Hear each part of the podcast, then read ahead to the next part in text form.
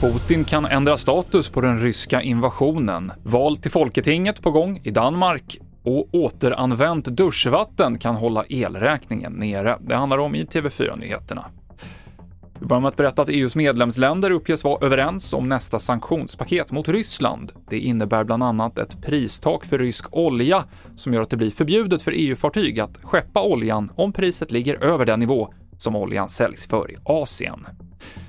Vi fortsätter med kriget i Ukraina, där de ukrainska styrkorna fortsätter avancera i regionerna som Ryssland påstår sig ha annekterat.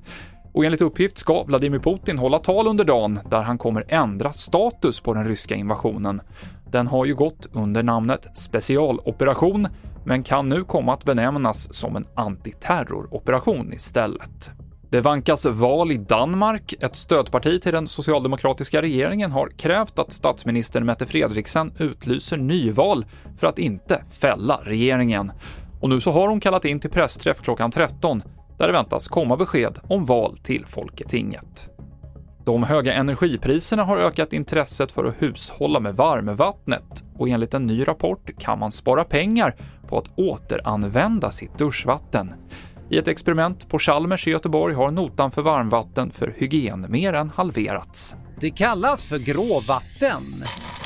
Det vi använder i dusch och handfat men idag bara spolar ut tillsammans med svartvattnet från toaletten.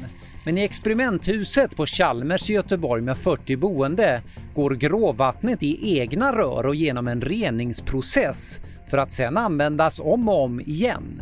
Intresset eh, ökar ju, det märker man. Eh, jag tror, jag tror faktiskt att det här kommer bli en eh, ekonomisk, resursmässig, klimatmässig nödvändighet. Jesper Knutsson på Chalmers, reporter Johan Håkansson. Fler nyheter hittar du på tv4.se.